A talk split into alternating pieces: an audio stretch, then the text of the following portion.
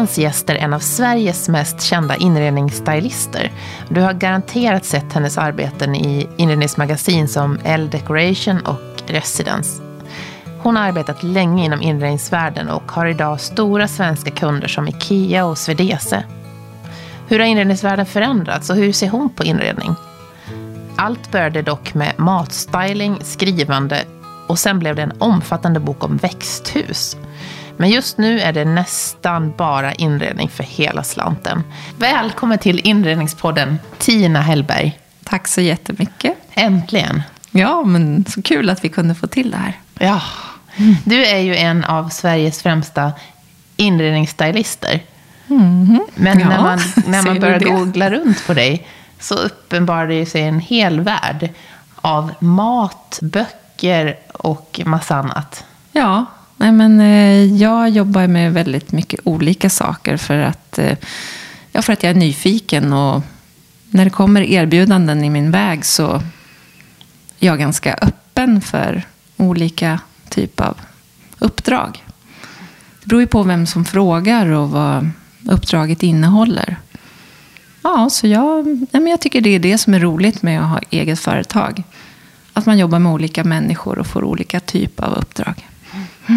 Den boken du just visade, den hade jag inte sett. Den gjorde du 2004. Ja, eller den kom ut då. Men det var ett väldigt långt arbete som började faktiskt eh, i början av min karriär som stylist. När jag blev fotograferad för Elle Decoration. Och jag kan inte ens, ja det måste ju vara 23 år sedan. Och då sa fotografen Stellan Härner, han sa, det ska vi inte göra en bok om växthus? För jag blev fotograferad i ett växthus. Och vi sa båda två att vilket fint ljus det är här inne och vilken fantastisk eh, miljö det är i ett växthus. Så där som ett, eh, i ett gränsland mellan inne och ute. Och så heter boken Växthus. Ja, den heter Växthus drömmar av glas. heter den. Ja, men det är ju lite tråkigt med böcker, för den där är en sån bok med tips också av en trädgårdsmästare om hur man odlar. Och Ja. känns ju väldigt aktuell idag, men nu finns den inte att köpa ens. Nej, men den kanske finns på antikvariat, tänker jag, om man är intresserad. Klart att det vore roligt om den kom ut igen, men eh, ja, nej, men jag tror man kan hitta den. Och det är då den eh, trädgårdsmästaren som du refererar till, det är Malin Löfstrand, som jag jobbade med en gång i tiden på Rosendals trädgård. Så du har jobbat där också? Ja, Det är, mycket, det är många blad här att bläddra i. ja. Men hur, hur beskriver du dig själv idag? Eh, jag, jag beskriver mig som inredningsstylist. Eh, och jag jobbar ju med främst inredning, men kanske inte så mycket i hemmamiljöer, utan mera för företag i reklamsammanhang och utställningar och showrooms och ja, mässor. Och senast vi sågs i, när du hade gjort ett, eh, ett jobb så var det ju på möbelmässan. Då hade du gjort ett, du jobbar ju både med Swedese och Ikea, två småländska företag. Och då Ja. hade du gjort Swedeses hela monter, en jättestor monter. Och då hade du färgsatt alltihopa, möbler och allting. Ja, ja men det var ett eh, heltäckande uppdrag kan man säga. För att, ja, själva montern får jag säga, den var ju ritad för året dessförinnan av eh, Monica Förster. Så Swedese ville behålla samma monter och det tycker jag är jättebra. För det, ja, det sparar ju på miljön. Man kan använda samma. Eh, och den var väldigt fin. Fin layout och så. Så vi gjorde bara om lite grann och satte nya färger. Och, ja, förstås möblerna var ju, var ju annorlunda då. Så att eh, då fick jag välja tyger och färger och försökte komponera olika miljöer så att man kunde se till exempel ett hem, kontorsmiljö och sen en helt ny serie med stolar. Ja, så fick, och uteplats också fick vi med. Mm. Ja, väldigt, väldigt vackert allting. Och man såg, för din stil är ju lite speciell. För man kan ju se när du har gjort ett jobb. Mm. Ja, Ja, men- Det, men det är många som säger det. Och det är svårt att se själv sådär exakt vad det är för någonting. Men eh, jag kanske jag tänker så jag är väldigt observant på stämningar. Stämningar i rum och jag vill att det ska kännas trivsamt. Och intressant. Så att man försöker hitta liksom en, bra, en bra mix av färger. För det tycker jag är ett av de viktigaste sakerna när det gäller inredning. Och det är liksom att man kan skapa så mycket stämning när det gäller färgsammansättning. Vad man väljer för, liksom, och hur många olika färger och hur man tänker kring färg. Om det ska vara eh, olika toner av samma kulör eller om det är liksom någonting som eh, sticker ut, som överraskar. Så att då i en monter till exempel, då tycker jag man måste använda sig av av lite olika sätt att komponera färg så att det blir... Ja, men dels ska det vara liksom trivsamt som jag sa då. Och sen, men det ska också vara någonting som ja, man lägger märke till på lite på håll sådär. Så att man blir nyfiken, för man vill ju locka in folk. Ja, och nu sitter vi på ditt kontor. Då mm. när du pratar om olika nyanser av samma ton, så, eller av samma färg, så tittar man ju som kring här och ser. Mm. Bakom dig har du ju väldigt, ett väldigt fint stilleben. Mm. Nu måste jag nästan titta. jag tänker, ja, du, får ju vända, du får lov att vända ja, dem. Ja, uh, ja um, men precis. Är det det här medvetet gjort eller är det bara att du har ställt Både och. Ja. Ibland har man bråttom när man kommer tillbaka med alla saker till sin lokal och ska sätta upp det igen. Efter att man har gjort ett jobb. Jag har ju väldigt mycket rekvisita här som, som jag använder i olika arbeten. Och eh, vissa saker är ju favoriter som man kanske förekommer fler gånger. Eh, men det är klart man vill ju variera sig. Men ändå, man har väl någon, ja, men det, jag tror att eh, jag har en viss stil som man kan känna igen du är ju uppväxt i, du är lite lantis, får man säga ja. så? ja, absolut. Det är ju med stolthet. Ja, en stolt lantis. stolt lantis. Ja. Men är det det som, du tar ju in naturen i dina jobb. Ja, ja men alltså inredning är ju alltså, saker som står i en komposition så. Och, och ibland så känner man att man behöver ju få lite liv. Och då tycker jag det bästa sättet det är ju att ta in någonting från naturen. Någonting blommande eller en gren eller stenar eller vad det nu kan vara för någonting. För det är ju, det är ju liksom helt andra former än de som är gjorda av människan. Mm. Och det är det som gör att det blir så intressant, det, mm. det mötet.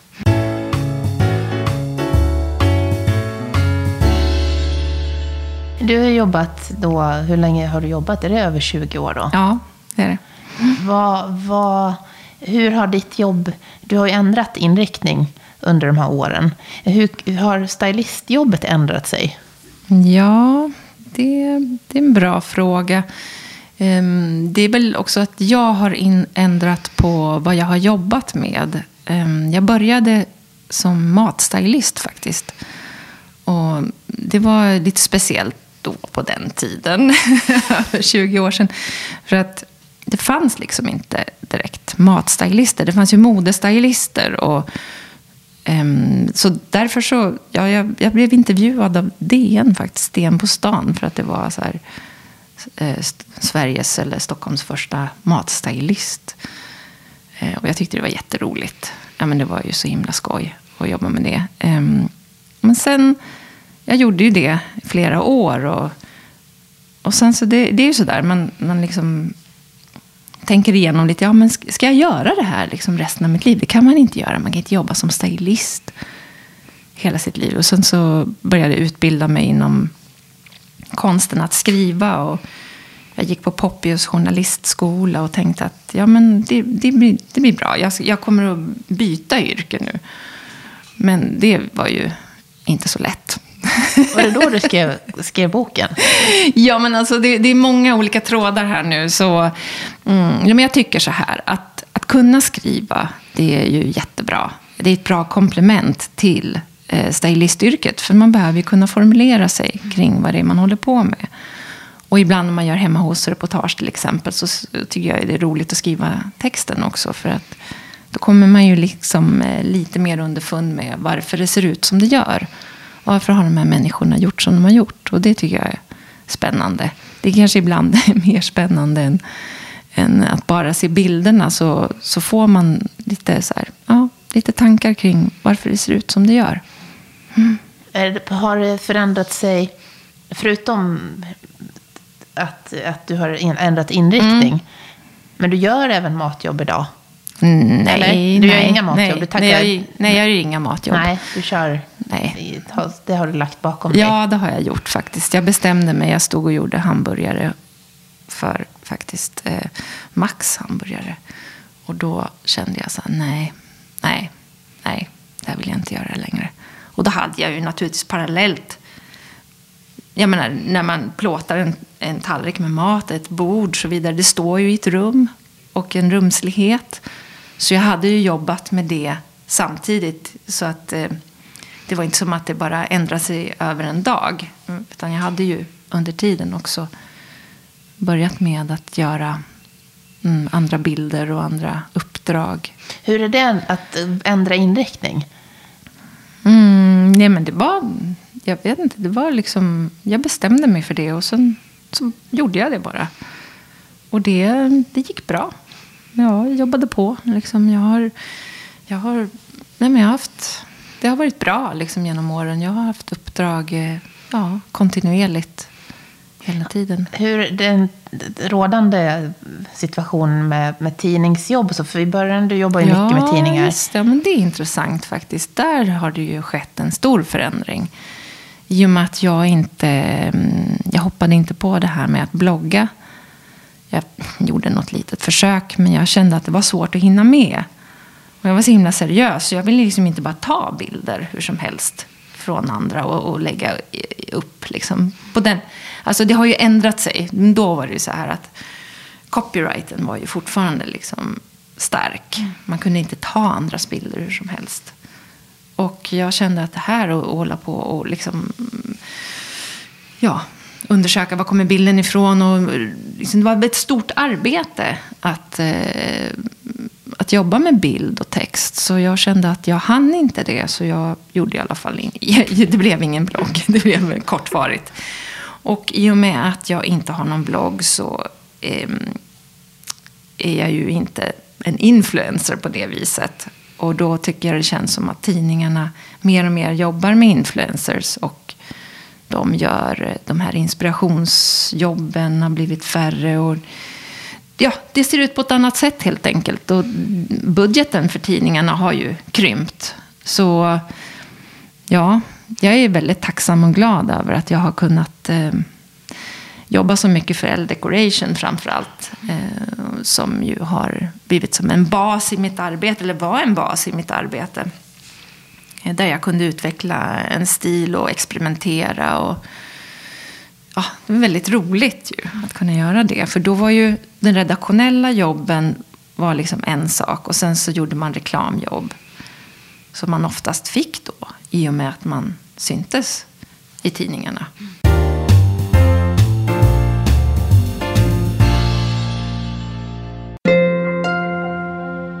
Gå gärna in och prenumerera på Inredningspodden med Johanna Hulander så får du en notis när nästa avsnitt släpps. Jag kommer att sända hela sommaren så att du under semestern kan få ett nytt avsnitt varje onsdag. Gå gärna in och skriv ett omdöme eller en recension också så att flera hittar till just den här podden. Följ även Inredningspodden på Instagram där vi finns under att inrednings underscore, alltså understreck podden. Eller på Facebook att inredningspodd. Och där kan du skicka meddelanden, önska gäster som du skulle vilja lyssna på eller se korta filmer från varje avsnitt och varje gäst. På inredningspodden.com samlas alla avsnitt för bland annat Acast, Spotify eller iTunes. Och på hemsidan kan du också prenumerera på nyhetsbrevet som äntligen ska skickas ut innan sommaren. De som jobbar som, eller som, som är på väg ut i stylistvärlden idag, vad, vad är ditt tips till dem? Det känns som att det är många jätteduktiga och de måste säkert vara mycket smartare än vad jag var. Som bara så här, åh, hej och hå, nu börjar jag jobba som stylist. Det, det bara blev liksom. Det, det är för sig. Med mina erfarenheter, samlade erfarenheter, så hade jag ju kunskaper inom till exempel konst och arkitektur. Som gjorde att, eh, ja, det blev, det blev som perfekt att jobba som stylist. Och det är väl en styrka idag, för du är ju så, har ju som det här jobbet eh, som du gjorde på möbelmässan där du kör hela alltet. Mm. Helhetsbilden. Det måste ju vara en, en styrka. Ja, men precis. Ja, men det är ju, gäller ju liksom att ha någon slags överblick över helheten. Eh, men det är väl så att jag litar ju väldigt mycket på min egen förmåga och min process. Som, eh, där jag liksom bara... Ja, hur börjar man egentligen? Man får ju ett uppdrag och så tittar man på vad är det här för, för material? Vad är det för formgivning? Hur ser det ut? Och så vill man ju att det jobbet man gör då ska spegla det. Så att man inte liksom bara försöker göra någonting som den här produkten eller det här företaget inte är. Utan man måste ju utgå ifrån vad det är man har framför sig. Och så vill man ju göra något spännande och intressant av det såklart. Och ja, det är alltid lite nervöst, det måste jag säga. Men om man har mycket erfarenhet så är det ändå alltid lite så här, åh, hur ska det gå? Nej, åh, nej, nu tog jag den där gröna färgen. Den blir säkert jättedåligt. Ja. Men sen så när man, och så börjar man och så får man allting på plats och så bara faller det liksom in i något slags system som man ändå har liksom förberett. Och, ja, när man står där, då är det ju bara, då kan man inte göra så mycket. Då, då, då är det bara att jobba på. Och då är det ofta så att, och då jobbar man ju tillsammans med flera andra också. Vi hade till exempel på möbelmässan nu, både i Stockholm och i Milano, så jobbade jag ju med eh, en tjej som heter Ia Schilt, som jag faktiskt jobbade med på Rosendals trädgård en gång i tiden. Och hon gjorde alla växter och blommor. Och hon har ju en väldigt gott öga för liksom, proportioner och hur saker och ting liksom, passar samman. Så vi, nej men det gjorde vi ju tillsammans då. Mm. Och förstås med alla på Svedese, flera stycken där som mm. jobbade tillsammans med och mm. skapade det, hur, detta. Hur är det när du har, när du tackar ja till olika kunder? Känner du att du kan gå in och säga det här, så här, det här är min stil, så här jobbar jag? Eller är du flexibel, tänker jag, att de... Nej, jag tror nog att det är så här att de som hör av sig och vill jobba med mig, de vet lite grann hur, eller lite grann, de vet vad det är jag gör. Det har de ju tittat på när de kontaktar mig. Så för det mesta i alla fall. Mm. Ibland kan man ju, jag har ju en agent, så ibland får, man ju, får ju agenturen förfrågningar säkert som de frågar flera av sina stylister om de vill göra. Men jag tycker ju naturligtvis att det är roligare när någon frågar mig. Vill du göra det här? För att de vet vad jag, vad jag står för och hur jag jobbar och så. Vad är det roligaste jobbet du har gjort under dina år hittills? Oj, ja, jättesvårt att svara på. För att det är så varje uppdrag är liksom roligt när man jobbar med det. Och det är liksom det teamet man jobbar med. Och ja, vad man skapar tillsammans, samarbetet. Eh, kanske att det har ändrat sig lite. Förut var jag mer så här, bilden var viktigast.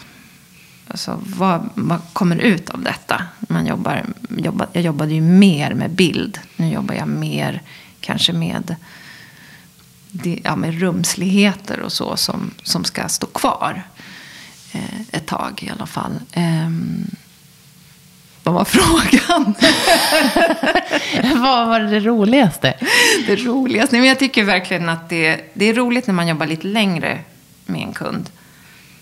Eh, och får vara med i en process. Så man inte får allting presenterat för sig. Det här vill vi göra, kan du göra det? Utan ja, vi har tänkt att göra en utställning med de här sakerna. Har du någon idé om hur det kan se ut? Vill du jobba med oss? Ja, det är ju roligare såklart. Att få med och påverka, liksom, som Svedese då. Vad är det minst roliga då? Nej, men det är väl om man inte riktigt eh, förstår varandra. Och då är det, då är det ju då är det ju väldigt svårt. Det har väl hänt några gånger. Som tur är så har det inte hänt så många gånger. Men där man har, ja, där det dyker upp missförstånd och man inte förstår riktigt vad den andra vill och de har inte förstått vad jag kan göra. Så det är väl så. Men annars så, Annars är varje uppdrag en erfarenhet. Och det är det du pratade om det här med de som är nya i branschen. Eh, och vill jobba som stylister och kanske precis har börjat och så. Måste man ju säga att det är ju tiden som är viktig. Arbete efter arbete som man gör. Uppdrag efter uppdrag. När man eh, får erfarenheter. Det är ju det som, det är ju det som gör att man kan utveckla en stil. Och kan bli liksom mera säker på vad det är man håller på med. Och att man kan göra ett bra jobb. Så det, där tycker jag att man får, man får ha lite, vad ska man säga, man får vara lite snäll mot sig själv och inte vara för hård och liksom tänka att oj, det här, det här blir inte bra. Eller, utan man får tänka att ja, men, nu jobbar jag igenom det här. Alltså, det handlar mycket om det, tycker jag, med alla typer av uppdrag. Så är det så att man jobbar igenom dem och eh, ser mot, slut, mot slutet. Då, brukar man, då ser man, det är först då man ser hur det egentligen blev. Ja. Då gäller det att ha is i magen till slutet där. Ja, men det gör ju mm. det. Man får tro på sig själv, liksom, ja. på sin förmåga. Och det är klart att det är lättare när man har jobbat ett tag än i början.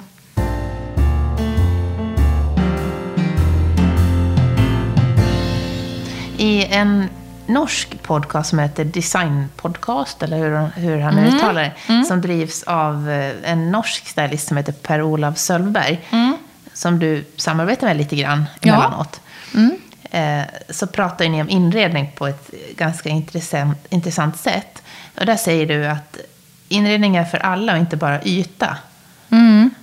Vad, vad, hur, hur, hur tänker du då? Nej, men jag tänker att eh, ja, men de flesta av oss har ju ett hem. Som tur är. Och så tänker jag att man inreder det hemmet. Man har ju, någon, man, man har ju behov. Liksom. Vad, ska jag, vad ska jag ha här? Och då, ja, då måste man ju utgå ifrån sig själv och sina egna behov och känslor och tankar kring det. Men det är lätt att tro att, liksom, man måste, att det måste se ut på ett visst sätt. Och att man ska använda sitt hem för att visa upp det. Men det är klart att det är trevligt när andra när andra tycker att det är fint. Men ett hem är ju ändå mest för att man själv och de man eventuellt bor med ska trivas och ha, ha det bra. Liksom. Så att jag kan bli lite trött på det här med liksom, att det ska vara så himla lyxigt. Eh, och det är väl det jag vänder mig emot lite grann. Att ju dyrare desto bättre. Um, sen så kan man ju säga också att det är klart att det är bra att satsa på kvalitet. Och det som är bra gjort och har fina material, det kostar ju lite mer. Om man nu inte väljer att eh, köpa second hand och göra mycket själv och göra om. Man hittar en soffa och så, men det är ju, kanske man klär om den, men det är ju jättesvårt att göra själv. Så då, men det är klart, en del klarar ju av att göra det. Men eh, ja, man måste, måste hitta liksom sin, egen, sin egen stil i det hela. Har det ändrat sig också? Eller har, eh, är, har du ändrat ditt synsätt eller har inredningsvärlden ändrat sig? Mm, men alltså personligen så har jag alltid varit så här att jag har en relation med eh, det som jag har valt att ha hemma. Och den här relationen kan ju pågå ibland lite för länge. Jag har lite svårt att bestämma mig för nya saker. Och, Oj, den där soffan, som jag, den pratade jag nog om med Per-Olav också. Att den där soffan borde jag väl ändå byta ut. Och, men alltså jag har svårt för det. Jag vet inte vad det är. Det, är, det, det finns ett så stort utbud. Och så, ja, man vill köpa som sagt, man vill köpa något bra när man väl köper det. Och det finns så mycket att välja på. det är jättesvårt. Jag vet. Det är jättesvårt. ja. Jag tycker att det är svårt hemma hos mig. Liksom. Sen när man jobbar med eh, det som inte är ens eget så är det ju lättare. Hur gör du hemma då? Tänk, blanda, du behåller du har en ganska konstant bas då? Ja, alltså, jag ändrar inte på så mycket. Nej, det gör jag inte. Men eh, det är för att jag har inte tid. Mm. Alltså jag, till exempel nu på våren, då är jag mycket hellre ute i trädgården än och håller på och fixar hemma inomhus. Alltså vi måste ju prata om du och din sambos hem. ja, vår lilla stuga. ja, men alltså vilket område det här är. Ja. Det, det är som att komma in i Bröderna Lejonhjärtas eh, magiska körsbärsvärld. ja, det ser lite ut så kanske. Ja. Ja, men det är ju gammal eh, bebyggelse här på den här delen av Söder. Eller i alla fall en del utav det. Ehm, så en del, en del trä, små trähus. Små och stora. En del är pyttesmå. Andra är vårt hus till exempel 77 kvadratmeter. Två våningar. Och eh, ja, det är, nu är vi tre personer som bor där. Så att det är ju inte jättestort, men vi har en väldigt stor trädgård som ju inte är våran trädgård. Utan vi, eh, ja, vi tar hand om en liten del av den och hjälper till lite grann. Där det är en stiftelse som driver en verksamhet där. Så, som är ansvariga liksom, för helheten.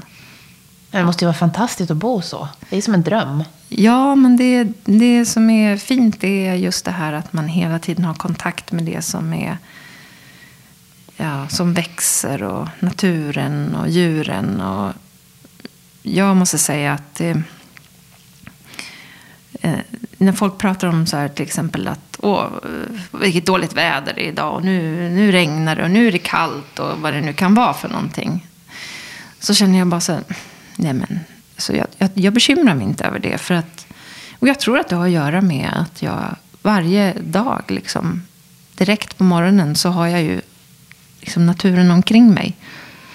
Och det, det spelar liksom ingen roll vad, vad, det, vad det är för väder för tillfället. Och där har ni ju växthus också. Ja, det finns ett växthus där. Det gör det. Där eh, stiftelsen då har eh, café och lite plantförsäljning och sånt. Så de har öppet nu under den här årstiden så har de öppet onsdag, torsdag, fredag mellan 11 och 3. Vilket bra tips. Stiftelsen Malmgården. Malmgården Vita bergen tror jag deras Instagram heter. Där man kan se öppettiderna. Men det brukar vara ganska konstant. Mm. Men att, eh, är odling ett av dina stora intressen? Ja, det kan man väl säga. Jag tycker att det har blivit mer och mer också. Nu på senare tid när man eh, är mer och mer medveten om eh, miljön och klimatförändringarna. Så tänker jag ju väldigt mycket på det jag har haft fokus på, ska jag säga. I år är ju att jag ska verkligen se till att det är något som blommar från tidigt, tidigt till sent. Med tanke på bina, pollinatörerna, så vill man ju se till att man kan, ja, man kan hjälpa till på något sätt med det. Så det har jag liksom försökt att mm, förstärka perennrabatten och trädgården med sånt så att det inte blir luckor. Och sen också att man väljer rätt sorts eh, växter som verkligen eh, ger dem näring. Mm, det är smart. Mm. Det är inte Det helt ett- lätt det, att få det, runt. Det är ett stort, stort ämne. Ja. Det får man, eh, man får läsa på helt enkelt. Och sen så, mm, någonting som alla som har en liten bit trädgård kan tänka på, det är ju att ha vatten till bin och, och fåglarna. Framförallt de, alltså det, det är faktiskt väldigt roligt att se på. Vi, vi kan knappt åka hemifrån, vi måste hålla på och fylla på det där, de där fågelbaden hela tiden. Ja. ja.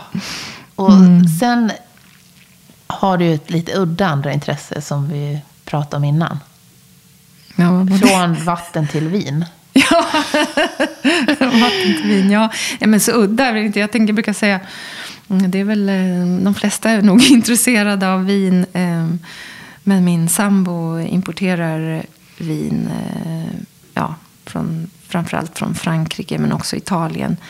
Eh, Och det har han gjort kanske, ja det är drygt tio år nu som han har hållit på med det. Och hans inriktning är ju viner som är biodynamiskt eller ekologiskt odlade och sen att de är naturjästa. Alltså ingen tillsatt jäst, utan bara den naturliga jästen som finns på druvorna får vara med. Mm. Har du blivit lite av en vinexpert nu, tycker du? Eh, Jag, jag har ganska dåligt minne när det gäller exakt eh, vad det är liksom, i de här olika vinerna. Men jag vet vad jag tycker om. Och, eh, Ja, jo, men jag kan väl en del. Jag är ganska petig. Du är petig? ja, ja, ja, ja, ja. Det, jag dricker bara det som jag tycker är gott. Annars så kan det vara.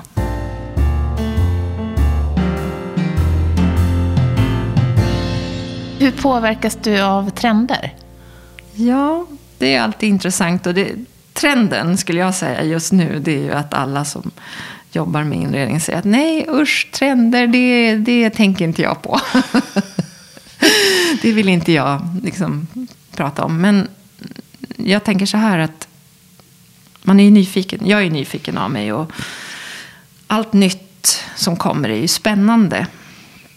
Eh, sen vill man ju naturligtvis att det ska vara också bra saker. Att det är det som... Mm, man, ja, där kommer ju det här med eh, miljön och klimatet in.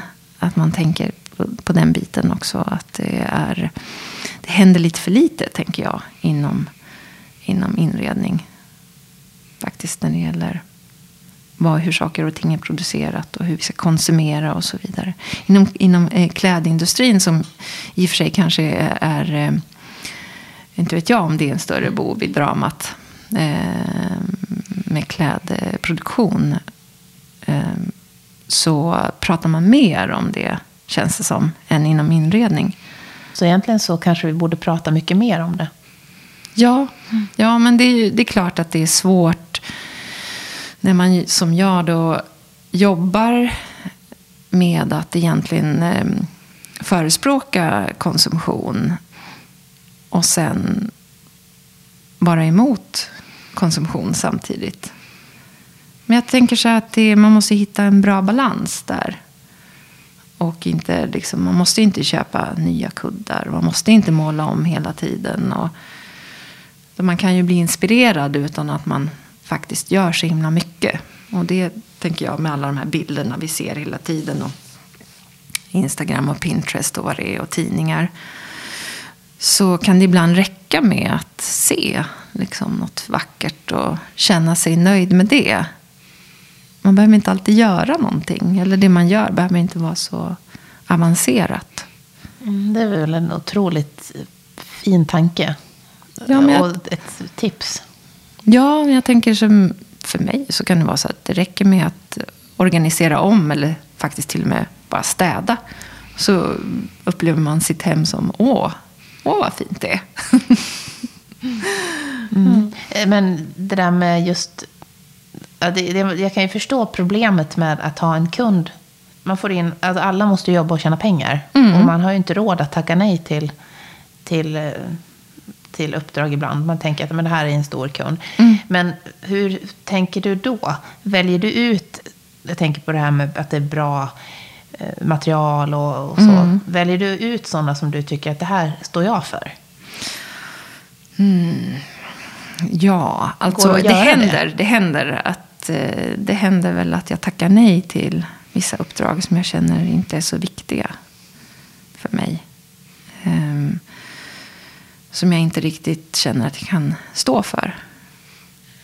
Så visst, visst kan det hända. Men det är klart att jag, jag vill ju jobba och tycker det är roligt att jobba. Och det är klart som sagt man behöver inkomst. Men eh, jag tror att man kan hitta en bra väg i det här arbetet. Och mm, nej men det, jag tycker att jag har en ganska bra balans med eh, hur jag jobbar och vilka jag jobbar för. Sådär. Hur ser ditt drömprojekt ut framöver? Ja, alltså, du, du, du gav ju mig lite frågor i förväg och jag tänkte när jag såg den frågan så tänkte jag oj, oj, oj, nu måste man tänka till. Men och, och, jag, jag, snuddade lite vid det förut, att det är ju trevligt och kul när det är mm, kunder som återkommer och man jobbar lite djupare med eh, vissa kunder och, och, under en längre tid. Det tycker jag, det är ju alltid drömmen, man ska säga. Och det gör jag ju också. Men, men eh, jag tänkte lite så här, ja, vad fint det skulle vara att jobba med ett projekt där man integrerar eh, inredning med eh, med naturen. Alltså att eh, växtlighet och inredning kan kombineras på, någonting, på något bra sätt. Så att i ett projekt där man kanske blir mer medveten om eh, vårt förhållande till naturen. Hur vi som människor liksom, vi är ju så beroende av naturen. Utan den så kan vi liksom inte leva. Och tänker jag, det här är ju lite så luddigt då, men, men, men jag tänker att ja, tillsammans med några skulle man kunna hitta något spännande sätt att eh, visualisera. Visualisera den eh, möte, det mötet. Och eh, konflikten kanske också, att det är lite konflikt. Det är det ju. Så det tycker jag skulle vara spännande. Mm. Sen har jag lite tankar också kring eh, hur jag ska använda min lokal. Och det tar ju längre tid med den här lokalen än vad jag trodde. Jag hinner inte ägna mig så mycket men eh, jag har ju lite idéer kring några projekt som jag vill göra här. Att visa upp. Det är en stor lokal du har. Ja, det är en stor men, eh, lokal. Men det är ett rum då speciellt som är tänkt som en liten utställnings, eh, ett utställningsrum. Och där hade jag tänkt att jag skulle ja, dels låta andra komma hit och göra saker. Men också att jag själv kunde använda den ytan till att eh, göra de här projekten som jag går och grunnar på. Mm. Har du någon sån eh, dold talang? Dold talang, ja. jag vet inte. Nej, dold talang, vad tänker du? Vadå? Nej men, eh, drejar du eller Jaha, du menar så. snickrar eller eh, stickar nej, eller något? Nej, jag, eller jag, spelar dragspel på kvällen? nej, men jag tror att jag är ganska, jag är, i och med den här eh, journalistiska utbildningen och eh, bokprojekt som jag har jobbat på så tycker jag det är väldigt roligt och jag är ganska bra på research. Så att ta fram eh, fakta kring ämnen som jag intresserar mig för. Och det är väl lite så jag tänker att det är där det börjar för mig i, i ett projekt som jag håller på med. Att man liksom undersöker saker. Mm. Mm, det fortsättning följer.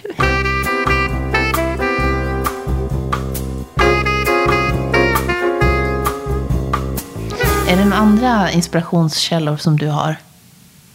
Ja, men alltså det finns ju så många. Det är, jätte, och det, det är ju ett tråkigt svar. Alltså, men det finns ju verkligen så många duktiga människor som man eh, kan inspireras av. Och dels så tycker jag det är väldigt, väldigt roligt med eh, våra, alltså våra skolor som finns här i, i Sverige. Som till exempel Beckmans och Konstfack och HDK att eh, de eleverna som går där och vad de gör. Och det tycker jag är jätteinspirerande. Jag tycker det är så roligt att se liksom, ja, oftast den yngre generationen då. Vad de, vad de fokuserar på och hur de gör. Vad de intresserar sig för. Liksom. Det tycker jag är fantastiskt roligt. Så det är en stor inspirationskälla. Och sen så till exempel när man åker till Milano då, som jag gjorde i år och jobbade. Så ser man ju så mycket. Så mycket, mycket fint. Och spännande och det som är... Du vet, folk, folk som... Och där kommer vi väl igen in på det här med att undersöka saker. Och verkligen dyka ner i liksom ämnen som man, det inte bara, bara handlar om åh, det här var en snygg soffa eller det här var en fin tallrik. Eller, utan att man, man får någonting mer på köpet. Liksom. Det finns en tanke, det finns, när de presenterar liksom en tanke bakom ett projekt. Det finns eh, en duo som heter Forma Fantasma som jag tycker är jättespännande, eh, deras arbete. Och eh, en svensk eh, tjej som heter Jenny Nordberg som också jobbar, jobbar på ett speciellt sätt med, med formgivning. Är Så... det någon som du tycker skulle vara gäst i den här podden kommande, i ett kommande avsnitt? Ja, absolut. Det, det tycker jag. Det skulle hon kunna vara. Och eh, en annan formgivare som jag tycker är bra som jobbar med eh, upcycling. Det är Marie-Louise Hellgren. Hon är ju liksom så seriös. Och hon gör det på ett eh, väldigt lustfyllt och vackert sätt också. Visar liksom hur man faktiskt på riktigt kan göra saker och ting bra. Och hon menar på att upcycling är ju bättre än recycling. Mm, smart. Om man vill komma i kontakt med dig, hur gör man då? Ja, man får väl ringa. Man lyfter luren. ja, det, Är du en av få som är väldigt lättillgänglig? Du har både nummer och mejl och allt ute. ja det, det är inte något större problem, tänker jag. Nej. Nej, men jag, har- jag, har, jag har som sagt jag har ju mitt Instagramkonto. Där står ju allting. Stylist Tina Hellberg. Och sen så har jag min agent också. Eh, agent Bauer. Och eh, ja, Nej, men jag, jag är... Du är lätt att Ja. komma i kontakt med. Ja, absolut. Jag brukar säga det. Jag brukar säga det är bara att ställa en fråga. Tusen tack Tina. Tack så jättemycket.